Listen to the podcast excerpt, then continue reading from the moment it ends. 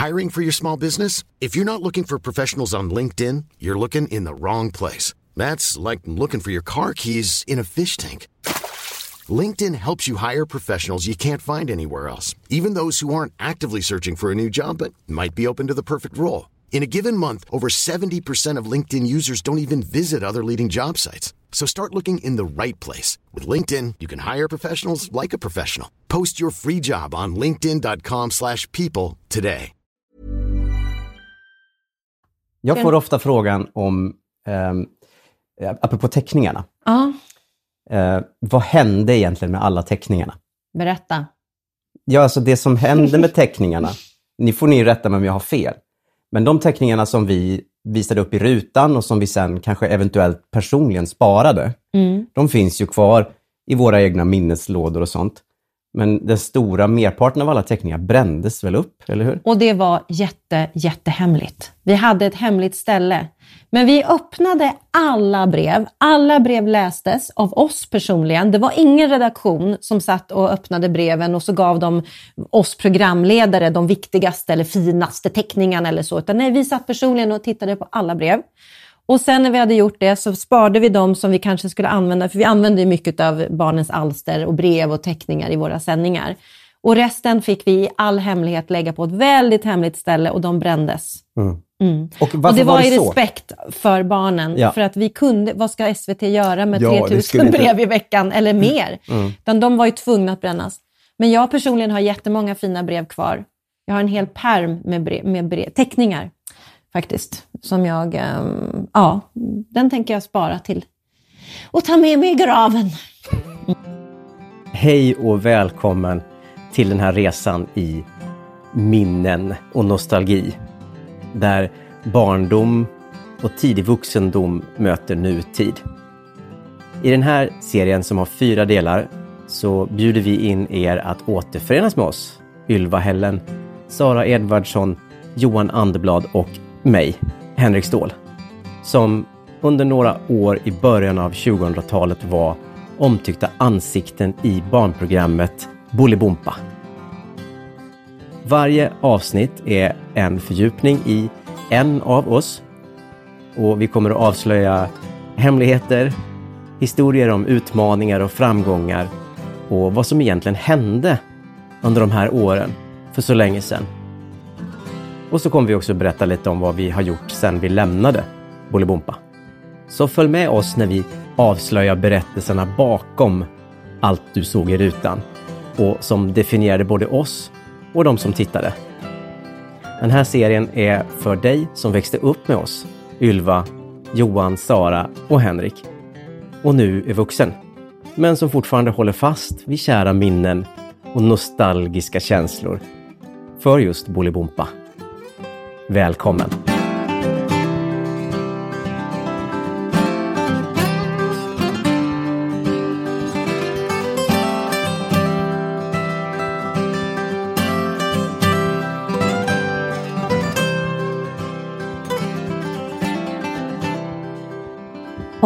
Här har man en egen podd alltså.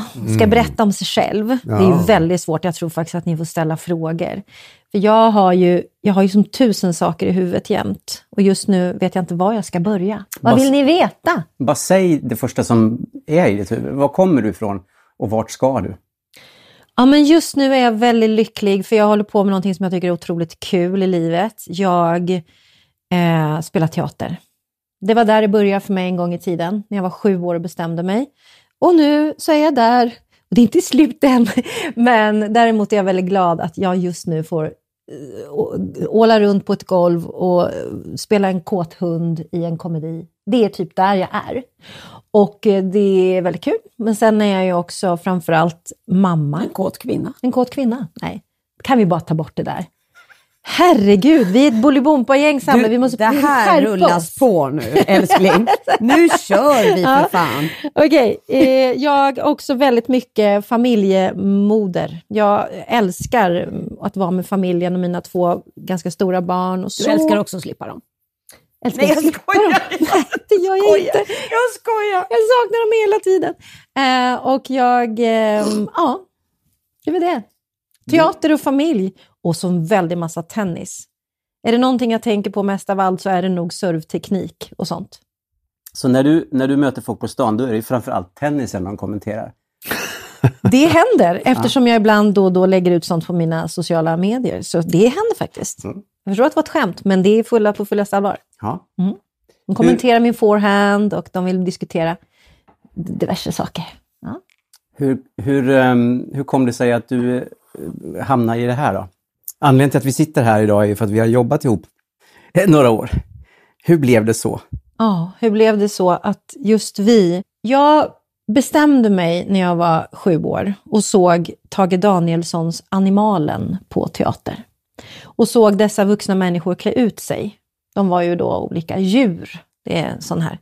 Då bestämde jag mig för eh, att om man får klä ut sig när man är vuxen, då är det det jag ska göra med hela mitt liv. Jag vill inte göra något annat än att klä ut mig. Så då bestämde jag mig och då tog jag ju så småningom reda på att det jag pratade om var ett yrke som heter skådespelare, då fick jag ju veta. Och eh, många, många turer och eh, hinder på vägen eftersom jag inte hade någon riktig stöttning kring det här. Och det här var före internet. Hur blir man skådespelare utan att kunna liksom gå in på sociala medier och kolla eh, annonser? Eller liksom, jag visste inte hur man skulle göra, så jag gjorde massa andra saker. Så det var egentligen inte förrän jag var kanske, jag var nog 24 år eller något sånt, när jag bestämde mig för att nej, nu ska jag inte hålla på och plugga massa annat. Jag ska inte lyssna på alla som säger att man måste ha en plan B här i livet. Jag måste köra på det jag vill göra. Och så gick jag en musikalutbildning. Och jag är lite bra på att sjunga och jag är lite bra på att dansa och rätt bra på att skådespela. Så det där passar ju mig bra. Jag älskade varje stund på jorden det året när jag hade bestämt mig. Och då var jag ändå, som ni hör, 24 år. Jag hade gått, försökt att förneka det här, det här kallet, det här brinnet jag hade i så många år. Vad var det för utbildning? Det var Kulturama, musikalutbildning i Stockholm. Och jag är från Uppsala, så det var ju stort att bara flytta till Stockholm då. Och där och då så sjöng jag också i typ sju olika band, kan man säga. Och för att göra en lång historia kort, så eh, på grund av att jag sjöng alla de här olika banden, så råkade jag vara på en mässa, på en båt, som var här DJ-mässa, där jag uppträdde. Och då råkade SVT vara på plats. De var där med en manlig programledare, och en fotograf och en producent. Och de skulle göra det första reportaget på ett program som hette Musikbyrån, på den här DJ-mässan. Ett musikprogram som skulle rikta sig till eh, unga musikintresserade personer. Då var det någon som hade sett mig på scenen eh, och sa, bara så du vet, SVT är här och de letar efter en kvinnlig programledare. Och jag som ville bli skådis var ju helt ointresserad av det här egentligen. Men jag tänkte, alltså jag är så van att, att liksom hela tiden um, försöka hitta fram. Eh, så jag hade varit, alltså alla auditions som någonsin dök upp hade jag liksom bara hoppat på. Oavsett om det var eh, DI hade några elevfilmer som jag var med i eller om det var så här, jag var med i reklamfilmer, jag gjorde allt möjligt bara för att jag var helt enkelt, hade ett monster inom mig som ville ut. Så då bara eh, ser jag min kropp gå fram till SVT och bara hej, jag heter Sara, jag hör att ni letar efter någon, kanske är jag, och något sånt där, sa jag. Ja, ja, ja, ja. Så kom de och kollade på mig där när jag uppträdde och så bad de mig att, eh, jag fick en mick i handen helt enkelt. Och så fick jag gå runt på den här båten och intervjua människor. Så jag gjorde min audition helt oförberett bara där och då. Lekte programledare och journalist och intervjuade folk. Jag lyckades tydligen fejka det väldigt bra, för jag fick ju jobbet sen. Och då var jag då programledare för Musikbyrån i två år, som sändes ner från Växjö. Men eh, jag gick ju hela tiden med den här, eh, det var den här lilla tjejen som hade varit på Animalen och ville klä ut sig. Eh, jag kände väl inte riktigt att jag passade in som musikreporter. Så då när jag fick eh, frågan att provfilma till ett barnprogram, nu hoppar jag många steg i historien, men jag försöker gå lite fram så att ni inte somnar. Då var jag van att tacka ja till allt. Så jag bara, ja absolut, jag kan väl gå och provfilma för Bolibompa då. Jag hade absolut ingen erfarenhet av barn. Jag var helt ointresserad av barn. Jag ville själv klä ut mig. Jag var inte intresserad av att liksom... Så jag ville verkligen inte ha något himla jobb på Bolibompa. Alltså det var det sista jag ville. För nu ska jag söka scenskolan och jag skulle verkligen lyssna på mig själv. För en gångs skull. Så. Hade aldrig gjort eh, barnprogram, någonsin, som sagt. Och jag minns att provfilmningen gick till så att jag, jag fick ett körschema där det stod liksom tider vad jag skulle fylla. Och så fick jag filmer att titta på. Och så fick jag komma till audition och göra en, typ en fejksändning kan man säga, där jag fyllde ut mellan de här eh, mellan filmerna som jag skulle presentera då. Och det enda jag pratade om där, det var nog ganska mycket saker, men jag minns att jag pratade ganska mycket om hur, eftersom jag inte kunde något om barn, så, så kom jag ihåg att jag hade suttit och funderat på vad jag ska hitta på för manus. Att om man håller i sin tumme så här, så tycker man att det ser ut som ett kycklingben. Vad skulle hända om man rev av den och åt upp den? Det var, var, det var ett av innehållet i det här manuset. För, och jag kommer inte ihåg, förmodligen så hade jag nog mer att säga om det här nu än vad jag kommer ihåg. Men jag minns att det var en stor del av det. De bara, henne ska vi ha! Hon är galen! Hon är galen! Hon är helt galen. Ja. Hon är helt galen och hon pratar om vad fan som helst. Och då kommer jag ihåg att eh, det var, det här, det här har, har jag liksom hållit som en, liksom en, en kärt minne, att telefonen ringer och de säger till mig att alltså, vi har ställt in alla andra auditions, för det är du som klippt och skuren för det här, du får jobbet. Och då sjunker hjärtat, för jag hade ju då en tid för att göra scenprov på scenskolan och insåg att jag måste välja mellan att då äntligen följa mitt kall och bli skådis och söka scenskolan. Det betyder inte ens att man kommer in. Herregud, det är long shot. Eller så har jag ett givet jobb, återigen då, på SVT med någonting som jag inte är ett dugg intresserad av, barnprogram. Men eh, man är själv, jag var väl då 26 år, behövde försörja mig, betala hyran. Hade ingen aning om jag skulle duga som skådis, så jag sa ja till det fast jag inte ville riktigt.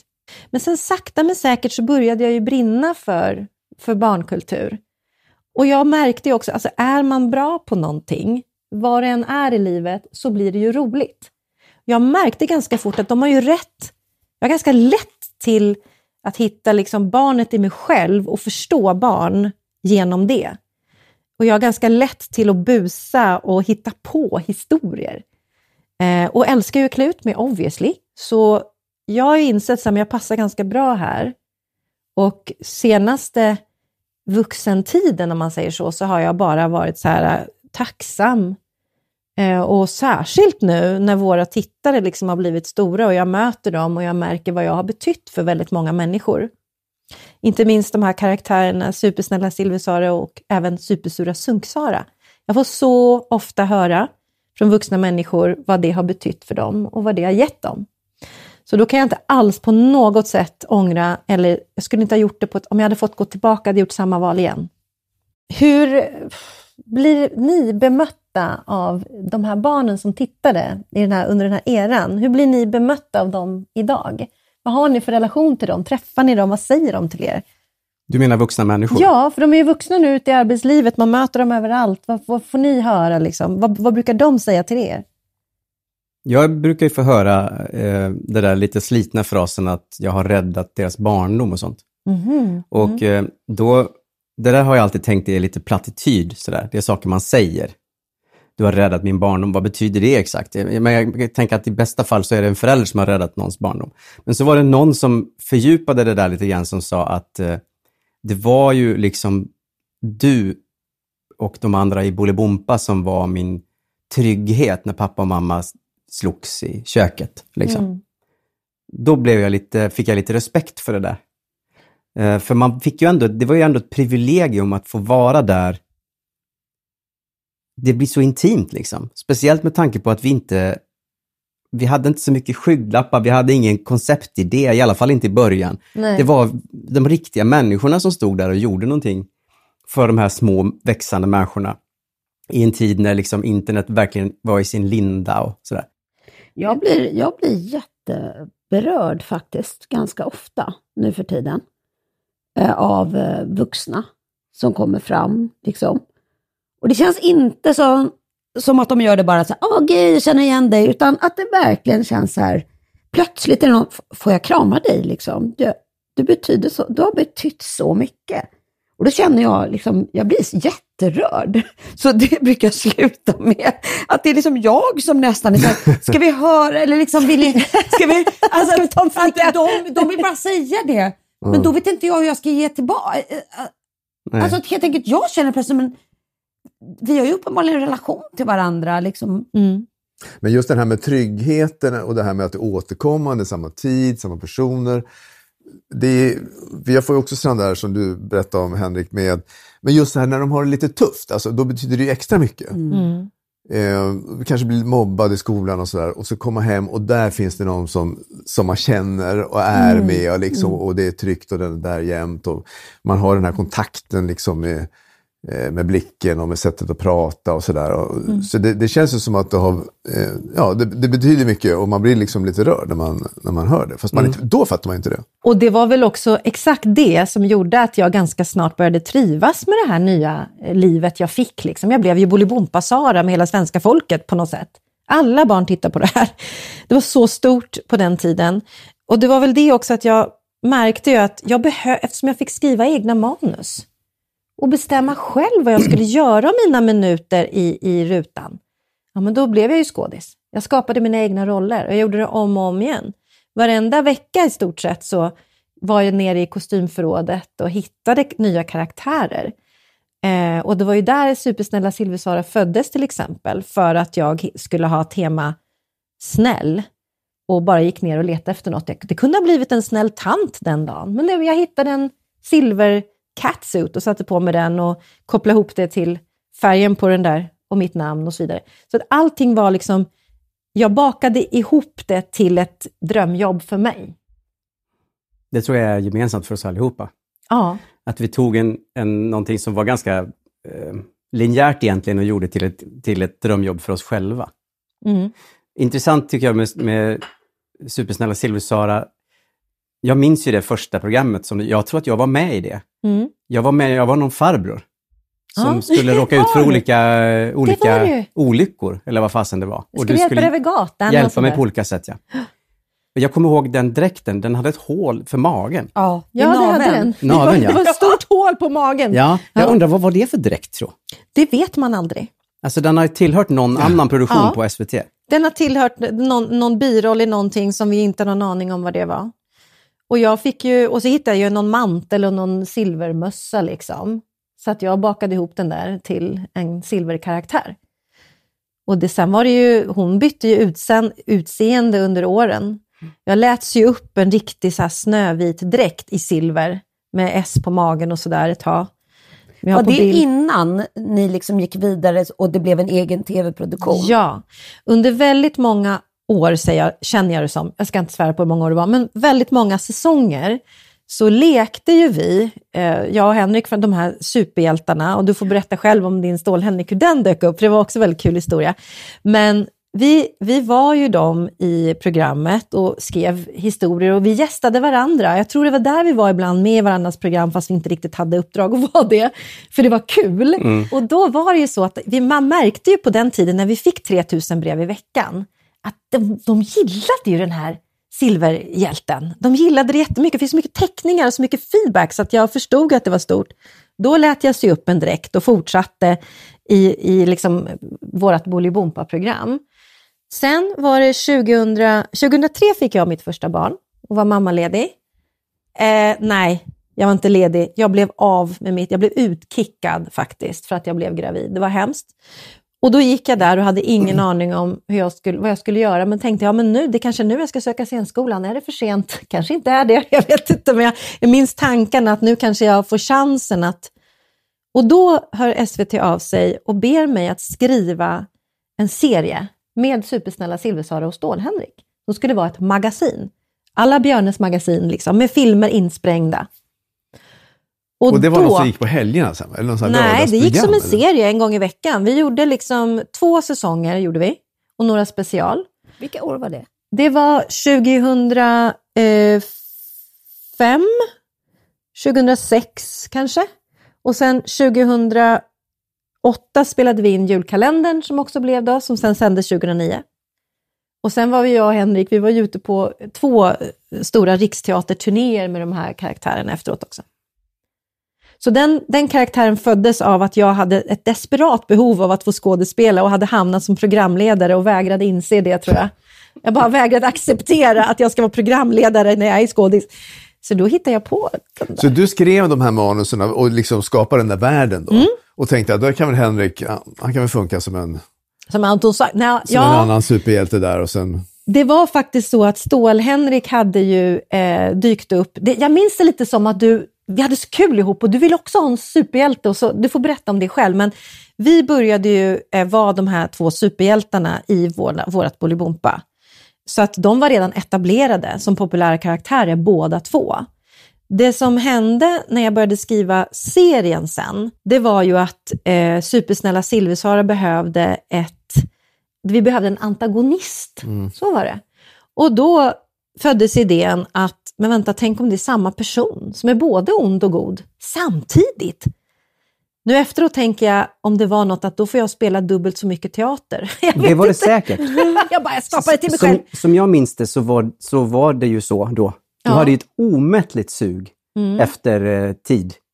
Eh, Teatertid. Teatertid, ja, Ja. säkert, Och, säkert. Det har jag ehm, fortfarande. Jag minns också det här med, men jag minns inte att det var som att det var Superstora Sunksara som skulle vara en antagonist, men så kanske det var ja. Det var så innan vi, alltså när manusarbetet skulle starta.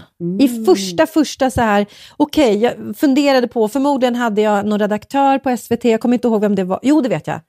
Eh, Det var en redaktör, det var jag, var, en projektledare som satt och pratade om det här och vi, vi bollade idéer kring vem, vem ska den onda vara? För vi har ju två goda superhjältar här. Det kan vi inte göra en serie av, vi måste ha någon ond. Och då, jag vet inte hur idén kom upp faktiskt. Eh, Superstora Sunksara är ju, rätta mig om jag har fel nu, men är ju eh, baserad på din dotter när hon var liten, liten. Det kan vara så att hon, hon är född 2003, så hon var väl i trotsåldern snart. Ja. Så jag tror att jag, kanske inte baserad på henne, men jag vet att som man alltid gör när man, gör, man har små barn hemma, då får man otroligt mycket inspiration av dem med sitt stoff, sitt content. Nej, men jag tror att hon, hennes sätt, hennes personlighet, alltså Sunksaras personlighet, är ju en trotsig treåring som verkligen skriker och säger exakt vad hon vill och inte ger upp. Visste du när, du, när, när vi gjorde serien, visste du om att eh, det här, den djupa symboliken i Supersnälla Silversara, Supersura Sunksara, att det skulle vara någonting som slog an en ton hos folk? För jag visste det ju inte, jag fattar ju ingenting då. Men nu när jag tittar på det kan jag känna, det här är ju liksom genialt. Det finns så många, finns så många nivåer av symbolik i det här. Berätta, jag har fortfarande inte fattat. Nej men eh, skötsam, fin flicka, positiv, till, till, eh, till hands, eh, till freds. Eh, och det mörka trotset och raseriet som ju alltid fungerade som en katalysator i avsnitten. Det är ju alltid supersura sunksar som löser problemen hela tiden.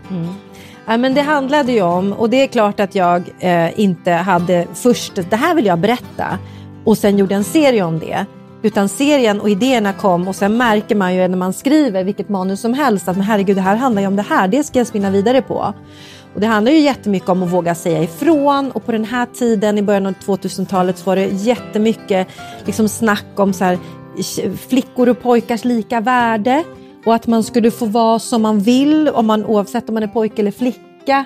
Eh, mycket i det här handlar ju om det och då var det så mycket snack om att, eh, att det var liksom fult att vara för flickig. Den, den grejen dök upp tycker jag mycket på den tiden. Att, att liksom tona ner det här flickiga. Flickor kan också leka med bilar och de ska ha bekväma kläder på sig och det är väl sant. Men jag var så här, fast jag ser på min dotter och jag kommer ihåg mig själv, just det här att barnet i mig som jag känner väldigt väl, jag älskar att vara prinsessa. Jag älskar att glittra, men det betyder inte att det, det är inget sämre. Det är, det är ingenting som säger att bara för att jag tycker om att sminka mig att inte jag också kan säga fuck you. Eller liksom säga ifrån. Och det vill jag berätta om. Att, att liksom, och att aldrig bara vara snäll. Och, det, alltså det är fint att vara snäll, men du måste ha den andra sidan också. Annars kommer du bli trampad på. Så det var väl det det handlade om, att liksom, i stort sett samhället gör fel, säg ifrån, var inte tyst. Mm. Hiring for your small business? If you're not looking for professionals on LinkedIn, you're looking in the wrong place. That's like looking for your car keys in a fish tank. LinkedIn helps you hire professionals you can't find anywhere else, even those who aren't actively searching for a new job but might be open to the perfect role. In a given month, over 70% of LinkedIn users don't even visit other leading job sites. So start looking in the right place. With LinkedIn, you can hire professionals like a professional. Post your free job on linkedin.com slash people today. Under de här åren så hittade du på supersnälla Silversöra. Du hade en, en hund som hette Emil Lurv. Första tiden bara, sen tröttnade jag. Ja. Ja, men det stämmer bra. Ehm, hade du andra karaktärer, roller? Ja, det hade jag nog. Ehm, ingen som sen blev en serie eller som jag kunde bygga vidare på. För där, är ju, där var det ju mer så att jag skrev helt andra program som sänds i Barnkanalen, eller på Bolibompa på den tiden. Då, som eh, Nattens hjältar, jag gjorde Den flygande mattan, eh, jag gjorde ett körprogram med små barn som sjunger. Eh, många av de där, där var jag ju karaktärer. Men i själva Bolibompa-programmet eh, så var det liksom, det är inga, ingen som, alltså jag har ju ett helt fotoalbum här med massa bilder, jag kan lägga ut på mina sociala medier om någon vill titta. På Instagram eh, kan jag välja ut några, men då, då var det det jag hittade i kostymförrådet. Och det är allt från kanske en, jag var Drakulla en hel del. Som Vad var det? En, en, en, en vampyr var jag. Ja. Och sen minns jag ju min allra, allra första Bolibompa-sändning som jag har faktiskt fått höra mycket från andra som minns. Alltså den första, första direktsändningen jag var med i, då fick jag ju liksom gästa någon annan. Och det kan ha varit Fredrik Berling kanske, eller så var det du Johan, jag vet, jag inte vem som var i, programledare. Då agerade jag eh, som brevbärare. Jag gick all in på att jag, för vi visste ju att nu kommer jag, nu ska jag lansera mig själv som programledare här. Så då hittade jag på att jag var brevbärare som kom med den här brevskörden. Det kommer jag Så- ihåg. när Ja, men då var det du. Ja, ja, jag kommer ihåg det. gästade Johan. Men Och var inte var- det under längre tid? Det Jo, men som då att- fortsatte jag nog förmodligen att vara den här brevbärarrollen Mm. tills jag liksom bara, "Nej, men jag stannar här och det var ju roligare, jag vill vara med. Så det var min ingång, en roll. Du fick en roll på en gång? Ja, Eller jag du gjorde tog mig- tog roll, mig en exakt, roll, jag som du hittade på kunde, en Så du roll. kunde fortsätta med lite när det passade? Liksom. Exakt, så brevbärare var jag ett tag. Eh, vad jag mer var, gud det är så mycket. Jag får bara skjuta in den där med brevbärare. Mm. Det var ju jag också när jag började. Ah, Så det var som att det var någon tradition. Var du också brevbärare? Och Ylvas första, men förlåt, men det här är intressant. Jag, har, jag kommer inte jag ihåg, men vi måste ju haft en tanke om det. När du började så var du brevbärare.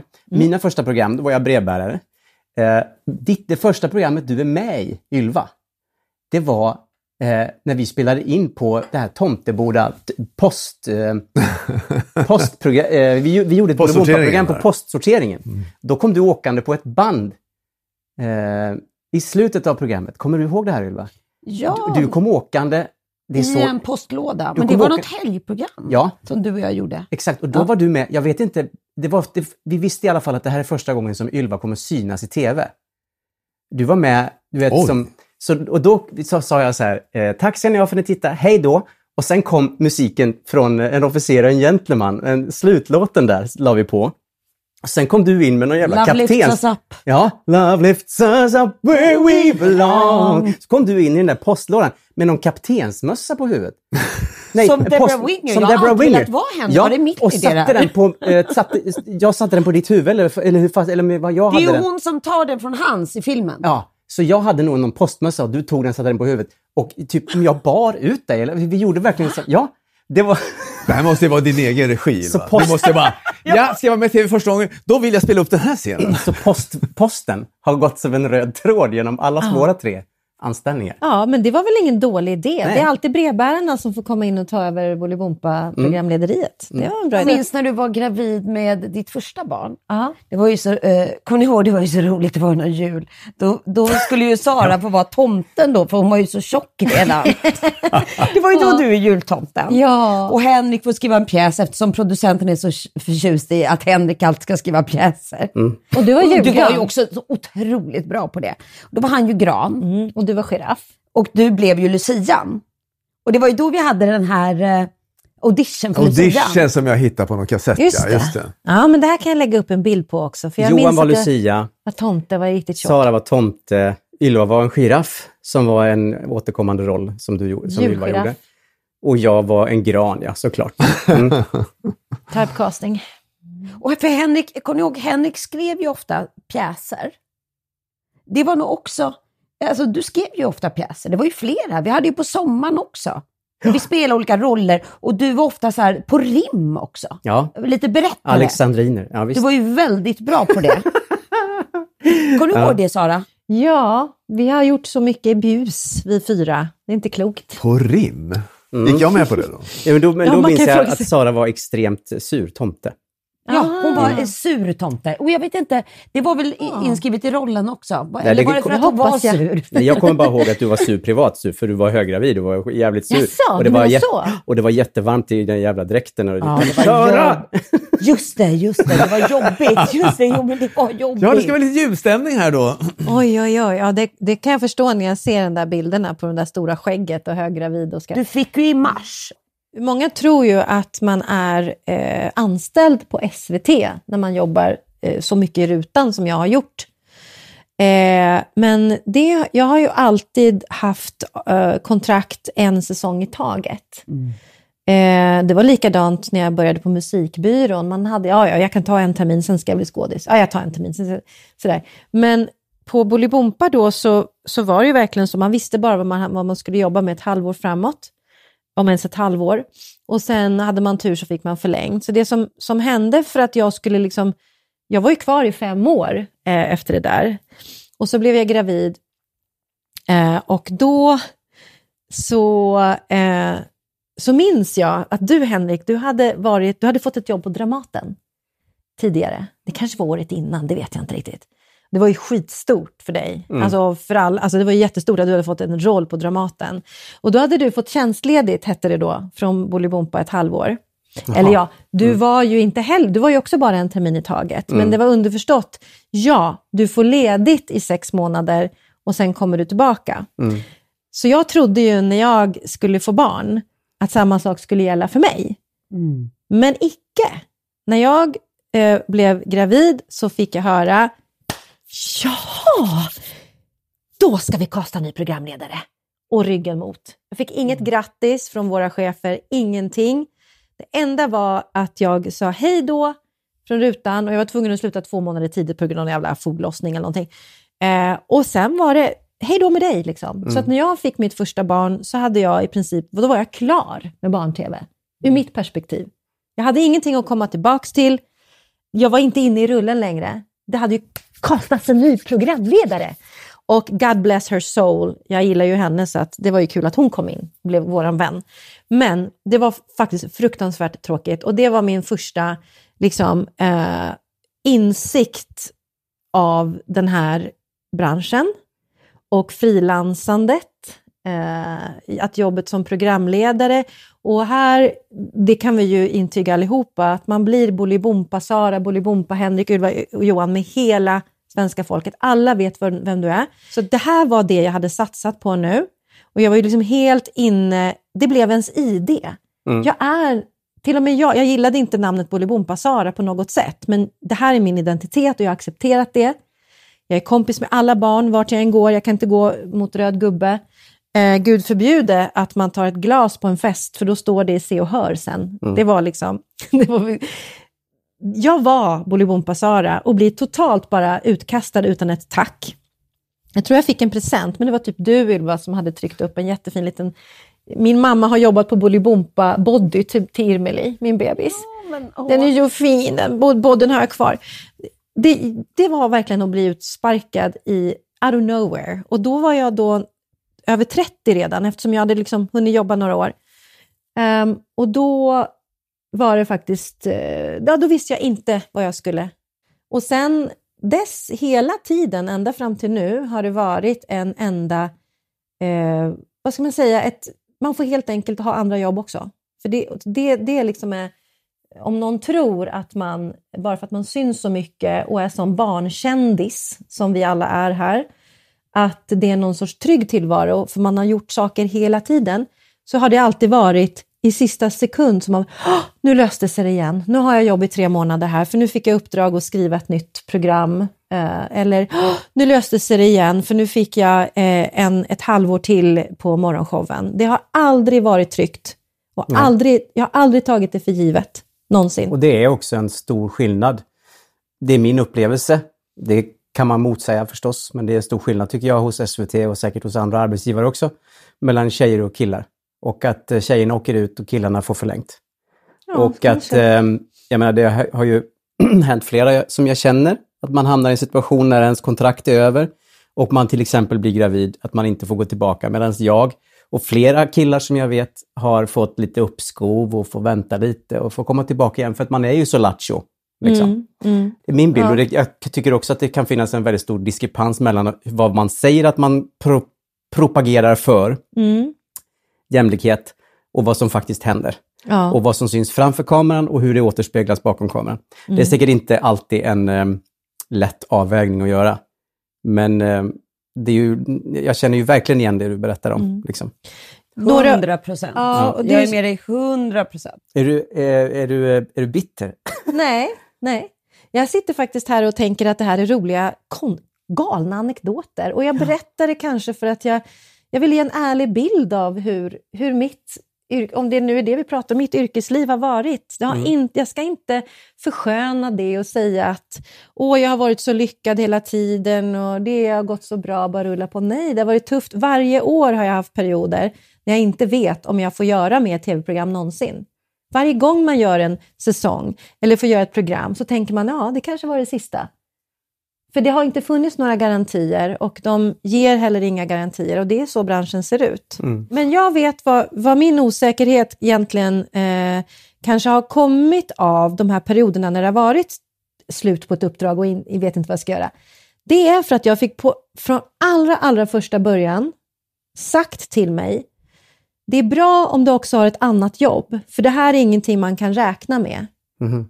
Eh, och det vet jag att de har sagt till flera programledare, för det har vi pratat om på andra håll, att man ska inte som frilans liksom räkna med att det här är nu mitt, arbe mitt arbetsplats, min arbetsplats. Utan du har bara det löftet som är en, ett halvår och det måste man liksom förstå. Eh, och det tror jag att jag inte riktigt har gjort. För att jag, I och med att man blir så otroligt förknippad med det här programmen man gör, med barn-tv, med, med liksom hela Bolibompa-grejen och Supersnälla Silversara, så funkar det ju inte riktigt så att man bara, ja, fast jag förstår att det bara är för en kort stund. Nej, it's forever. Mm. Jag, jag möter ju folk idag som pratar om vad jag gjorde då.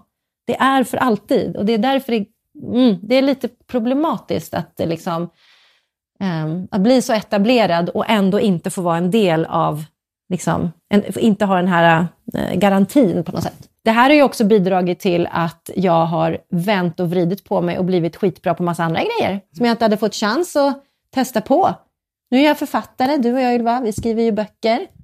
Succé. Hey, succé! Vi säger alltid succé. Vi säger succé alltid till Mm. varann efter eh, vi har gjort något. Ja. Hur bra eller dåligt det än går så Ja. säger vi succé. Har ni två ett bolag ihop eller är ni bara en författarduo? Vi är, en- vi är en duo. Det är, en, det är ett bra ord. Vi är en, vi är en, Men ni driver inte ingen egen verksamhet? Vi heter Barnens bästa. Okej. ja. Om du vill anlita oss. Mm. Barnens bästa. Är ni till salu så att säga? Är ni, går, det att anlita er? Ja, Absolut. Så, så billiga. Det är bara att Ja. köpa. Det kostar Vad nej. skriver ni för någonting? Vad gör ni för någonting? Vad kan Nu man liksom... vi, håller vi på med ett hemligt projekt. Ja, det gör vi faktiskt. Som är faktiskt... Gud, jag hade glömt det! Succé! Förlåt, det var jätteinternt. Men eh, Ja, det var, men vi, vi blir väldigt, väldigt nyfikna. inte glömt. Det är Men så kan- hur kunde du glömma? Ja, Men kan det du inte var så roligt med teatern. Kan ni inte tisa? Nej, det kan vi inte. Nej, men men, eh, vi skriver ju böcker ihop. Ja, vi skriver en bokserie som heter Förskolans skräckis. Ja, och då vill jag bara säga så här, jag sitter ju i det här rummet och ni då, Henrik och Johan, ni har ju inte ynnesten att sitta liksom en och en halv meter ifrån Sara liksom varje dag i ett litet rum där hon sitter som en liten ekorre. Hon har, hon har liksom hon har små påsar med saker hon äter, hon äter små nötter, hon har små dutteliduttar, hon har alltid allting, det prasslar och prasslar. Och hon liksom skrapp eller skrapp sitter hon och äter och sen mumsar på saker. Och sen så när hon kommer till jobbet så är hon alltid liksom, ser ut som någon slags så här, ah, som du sa Henrik tidigare, liksom, du kommer alltid in som en stjärna, du gör ju verkligen det. Du liksom så här, det är någon är runt dig sådär som är väldigt liksom bara, uff, det kommer som en pust av stjärnor och sen så har hon alltid tennisracket sticker upp i ryggsäcken. Jag är inte alls ironisk heller. Det är verkligen sant. Det är som att Sara har ju något spår av att vara en karaktär. Eh, även i dig själv. Så att jag tycker det är lite roligt att du säger att du gillar att spela teater, för det är ju någonting över dig som är också som att du är, ja, jag brukar ju säga det, eh, att du är lite som en fe eller något. Du liksom stormar in och så har du det där tennisracketet och det är liksom nya gympaskor och någon stass som du har köpt. Och liksom så här och så här, vad tror du om det här? Och sen så pratar vi lite kort. Och sen så blir det knäpptyst för då ska hon jobba. Och jag är ju lite mer så babblig då. Men då är du så här, oh, jag har bara en timme och en kvart. Och sen börjar man höra de här naglarna smattra iväg på de här små tangenterna. Så här, Ja, fruktansvärt och sen så är hon liksom klar alltid när en timme och en kvart har gått. Ja, så, täller ihop. Pack tillbaka in i ryggsäcken. Nu ska jag träffa min dotter eller nu ska jag liksom hem och, och göra någon middag och sånt där. Och eh, då har jag liksom, jag, jag känner ofta att jag är liksom kvar i varje steg. Eh, på något sätt med dig. Fast vi kompletterar ju varandra oerhört bra. När vi jobbar ihop så går vi ju i jämn takt alltså. När vi, när vi jobbar ihop ja. Ja. Men nu pratar jag bara om liksom hur det är att dela kontor med dig, hur det liksom sveper in och det, liksom, det känns alltid som att det har liksom fallit lite av ett framgångsregn i rummet. Oh, trevligt. Ja, nej, men det gör det faktiskt. Så är det, det kan jag verkligen understryka. Ja. Den där framgångskänslan som Ja, du för med dig det är verkligen det. Och ibland blir man liksom, faller det ner över en lite som ni vet, på ett härligt sätt och ibland så känner man att man liksom bara, vad fan, ja då, jag måste komma igång här med mitt jävla skrivande liksom. Så går jag hem lite ångest och har inte fått en rad skriven och bara liksom sådär. Men så är det. Men det, det vill jag bara säga, så är bilden för mig när du kommer till jobbet. Att, och det, Fint blir beskrivet glad. ändå. Mm, Jag blir väldigt glad när jag tänker att du ska dyka upp. Mitt första minne av Sara eh, var ju eh, första gången jag hade möte med eh, SVT, med eh, de programledarna. Vi skulle dela upp sändningarna. Då hade jag precis träffat Johan Anderblad på bussen och blivit helt starstruck. Sen fick jag träffa Sara eh, där uppe på, eh, utanför redaktionen då i SVT, på SVT. SVT Barn. I köket kanske? Ja, ja, precis. Där man också åt sin lunch och så. Mm. Där satt vi. Jag var så upphetsad och nervös att jag hade tårar i ögonen, minns jag. Eh, oavsiktligt liksom. Och var helt röd i ansiktet. Gick in på toan och bara, gud, jag måste få ner den här rodnaden på något sätt. Alltså jag var så, jag var så nervös. Och eh, du, Sara, var ju som, ja, men som Ylva sa, du var ju liksom en jävla rockstjärna. Jag blev ju typ förälskad när jag fick syn på dig första gången. Liksom. Men så jävla strålande i rummet.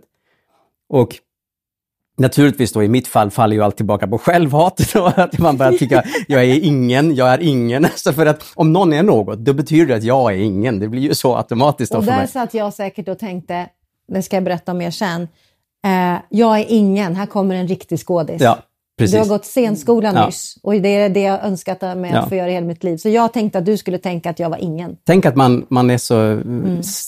Innesluten Och i sitt jag eget. som ville vara journalist, när jag träffade dig första gången, Mm. då tänkte jag nu kommer det en rockstjärnejournalist. Alltså, en rockjournalist kommer hit från Växjö som har gjort den här Just det, musikbyrån. så var det ju på och du riktigt. hade ju din den här David Bowie-frisyren, uppklippta, spretiga kläderna. Och jag kommer ihåg att vi käkade mat i matsalen på SVT. Det var första gången jag träffade dig tror jag. Mm, Och om Fredrik Bergling var med också, vi var några stycken kommer jag ihåg. Och, och jag var väldigt så här blyg för det till. Jävlar vilken rockstjärna, wow! Liksom. För det var ju igen den här stjärnstatusen, du gled in där bara, även fast du var helt ny. Och kom in och skulle gå runt och presentera det för folk, så hade du i alla fall det här liksom, ja du bara gled in där liksom. Ja, det var Jag glidare, har alltid varit en glidare. rockstjärnegrejen alltså. Det måste ha suttit i frisyren. Jag var, ju, jag var inte alls någon rockstjärna. Nej, men också var- att du- Jag kan ju säga så här, jag föl- fick ju följa med Sara och Ingela på en rockfest.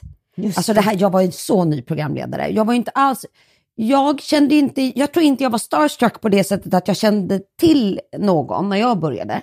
Men just det här att liksom de här två jättekola blondinerna med sina spretiga coola hår och sådär. Ingela var vår fotograf som var så viktig. Och eh, då var det ju så att eh, Sara var ju ihop med någon jättecool gitarrist och sjöng ju i ett band. Jag undrar om det inte var på ert förlag, alltså ditt bolag. Då vår fotograf träffade sin man. jag vet, jag ska... Ja, att precis. ska komma- Mm. Och då kommer vi på den här festen och liksom vi går tripp, trapp, trull, det är liksom här blondinen, blondinen och sen jag. Och eh, ni är så jävla coola och jag känner liksom, jag är med på den här festen, det är jättebra.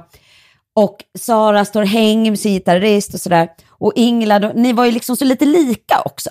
Ja. Ja, ni var lite twins sådär. Så är det. Och Ingela blir också någon slags supermagnet på den här festen och börjar dansa runt med rökmaskinen på dansgolvet och bara sprutar rök så den åker som långa så här rökkorvar i så här fantastiskt neonljus. Och eh, då möter ju hon sin man. ja. Eh, och han var ju utnämnd till eh, veckans eh, Golden Retriever i en musiktidning som ni hade och visade på jobbet. Så att hon, hon blev ihop med honom, eh, som var basist. Vad, och du vad, var med vad var veckans golden retriever? Vad var det det var en het person. Ja, alltså het. En, het. en Gullig. gullig En kille, gullig, snygging, Anders för fasiken liksom. Eh, Goldilocks. Och sen så eh, Saras då, jag vet inte vilken gitarrist det var då, förlåt. Vi klipper bort det. det var, om det var ettan eller tvåan. Eh, Jag la ut en bild på dig Sara på, mitt, eh, på Instagram Mhm. och ställde frågan, vad vill ni fråga Sara? Oh. För jag tänkte om den här inspelningen. Mm. Och då är det ju väldigt många som, som frågar saker om Supersnälla Silver-Sara och Supersura Sunk-Sara. Eh, många som vill säga tack för det. Ja. Den allra vanligaste är människor som skriver tack. Mm. Och det är ett, något hundratal Jag säger kommentarer. tack tillbaka för att ni lyssnade på alla galna idéer. Eh, andra frågor. Vilken av alla karaktärer på SVT Barn som hon har spelat vill hon eh, leva en dag som? Andra karaktärer som jag spelat? Mm, av, vilken av alla dina karaktärer som du har spelat vill du leva en dag som? Bra fråga. Ja, det tycker jag. Men alltså nu senast så har jag gjort ett program som, där jag spelar två stycken eh, tvillingar. Alltså det är också en dubbelroll eh, som är en god fe som heter Ros-Louise och en ond fe som heter Prutta. Då då, som är väldigt populär just nu bland de små barnen. Eh, och jag skulle nog gärna leva en dag som, som Ros-Louise för hon har en enhörning som hon rider på. Det skulle vara härligt. Under en dag? Ja, jag rider en hel dag på den där enhörningen. Och så har hon väldigt tjockt fint hår och det har jag aldrig fått ha. Nej, det vore en dröm. Det kan jag Ja. också, om du hade. om jag hade. Exakt. Eh, fråga henne när det kommer en reunion med Stål-Henrik och Supersnälla Silver-Sara. Den här frågan får vi ju ganska ofta. Ja, Nej, det kan ju det- jag tyvärr inte svara på. Vi, vi får väl ta och läsa ett litet avsnitt till den där personen Mm. sen. Då. Vi, kan, vi kan läsa någon liten grej här sen så. Så blir det vår reunion. Eh, vi får ju ganska ofta den frågan och det är ju som sagt inte... Det, varför inte? Varför Ja. inte? Verkligen, det skulle vara askul. Varför inte göra det? Men då kanske vi ska göra någonting för de, de som var barn 2009. Sen är det en väldigt vanlig fråga också, som du, jag vet att du får höra ofta, är ju hur du fick jobbet som Siris röst och hur det känns att vara den. Just det. Ja, det är ju för, för det första en, det, det som är så otroligt tråkigt när jag alltid får frågan, visst är du Siri? Så är ju svaret ja, men man måste alltid lägga till den lilla grejen att fast de har ju bytt ut rösten. Jag var Sveriges första Siri och det är ju eh, jättekul eh, grej. Och jag var det i många år tills de uppdaterade mjukvaran. Men nu är ju min Siri-röst så att säga en massa andra funktioner i både Apples produkter och i andra produkter och på Google eh, Translate och, och jag, senast var väl att jag hörde min egen röst i ett nyhetsinslag där de pratade om AI för skolorna. Där de pratade med någon karaktär som hette, jag bara stod typ i duschen och bara what? Det är min röst på TV. Då har de någon karaktär som heter Kim eller någonting, som är en AI-robot som, som barn i skolan pratar med och det är min röst. Vad väntar Sara härnäst jobbmässigt? Och min idag 20-åriga dotter hade som liten en favoritlåt om en papegoja som Sara sjöng. Skivan är borta sedan många år och vi minns inte låtens namn. Åh, den finns ju på Spotify! Det är Vilda Basiller-skiva. Min papegoja kan inte tala fast jag har kämpat så hårt och så vidare. Ja, hur går det refrängen nu igen? Io, io, hopp, hopp, hopp. Io, io, hopp. Io, io, hopp, hopp, hopp. Hola, jag quiero bailar. Men, men, Ja, och så eh, frågan då, vad ja. händer härnäst Jo, det som händer härnäst, det var väl lite där jag började. Att jag sa att jag spelar en kåt hund. Det låter ju jättekonstigt. Mm. Men faktum är att just nu eh, så håller jag på att repa en teater som heter Sylvia som ska gå på Sagateatern i Linköping. Och det är faktiskt inte en barnteater den här gången. Utan det är en eh, ja, Broadway-komedi kan man säga. Som har premiär dagen före nyårsafton. Och det ska jag göra nu ett litet tag framöver. Men förutom det så jobbar jag jättemycket inom eh, företagsvärlden. Skriver deras musik, deras böcker, eh, skapar koncept och karaktärer som kan vara maskotfigurer eller vad som helst och gör kommunikation då. Jag gör något mer. Ja, Ylva och jag, vi, vi jobbar ju som sagt var med Barnens bästa. Barnens bästa bokserie och Barnens bästa. Vi har, gör shower i konserthus och vi gör allt möjligt tillsammans. Mm. Ja. Tack för att du eh, finns, Sara. Tack för att ni finns! Och tack för att jag får finnas här med er. Tack för att du har lyssnat. Om du har några frågor till eller om någon av oss som var med i det här avsnittet så är det bara att skriva till oss var som helst. Vi finns praktiskt taget var du än tittar. Och eh, vi tar emot och läser allt vi får. Det här var Saras avsnitt. Nästa vecka är det dags för mig och mitt avsnitt. Det kommer om en vecka ungefär. Så lyssna då. Producerat, det har jag gjort, Henrik Ståhl för Kirinaya. Hej då!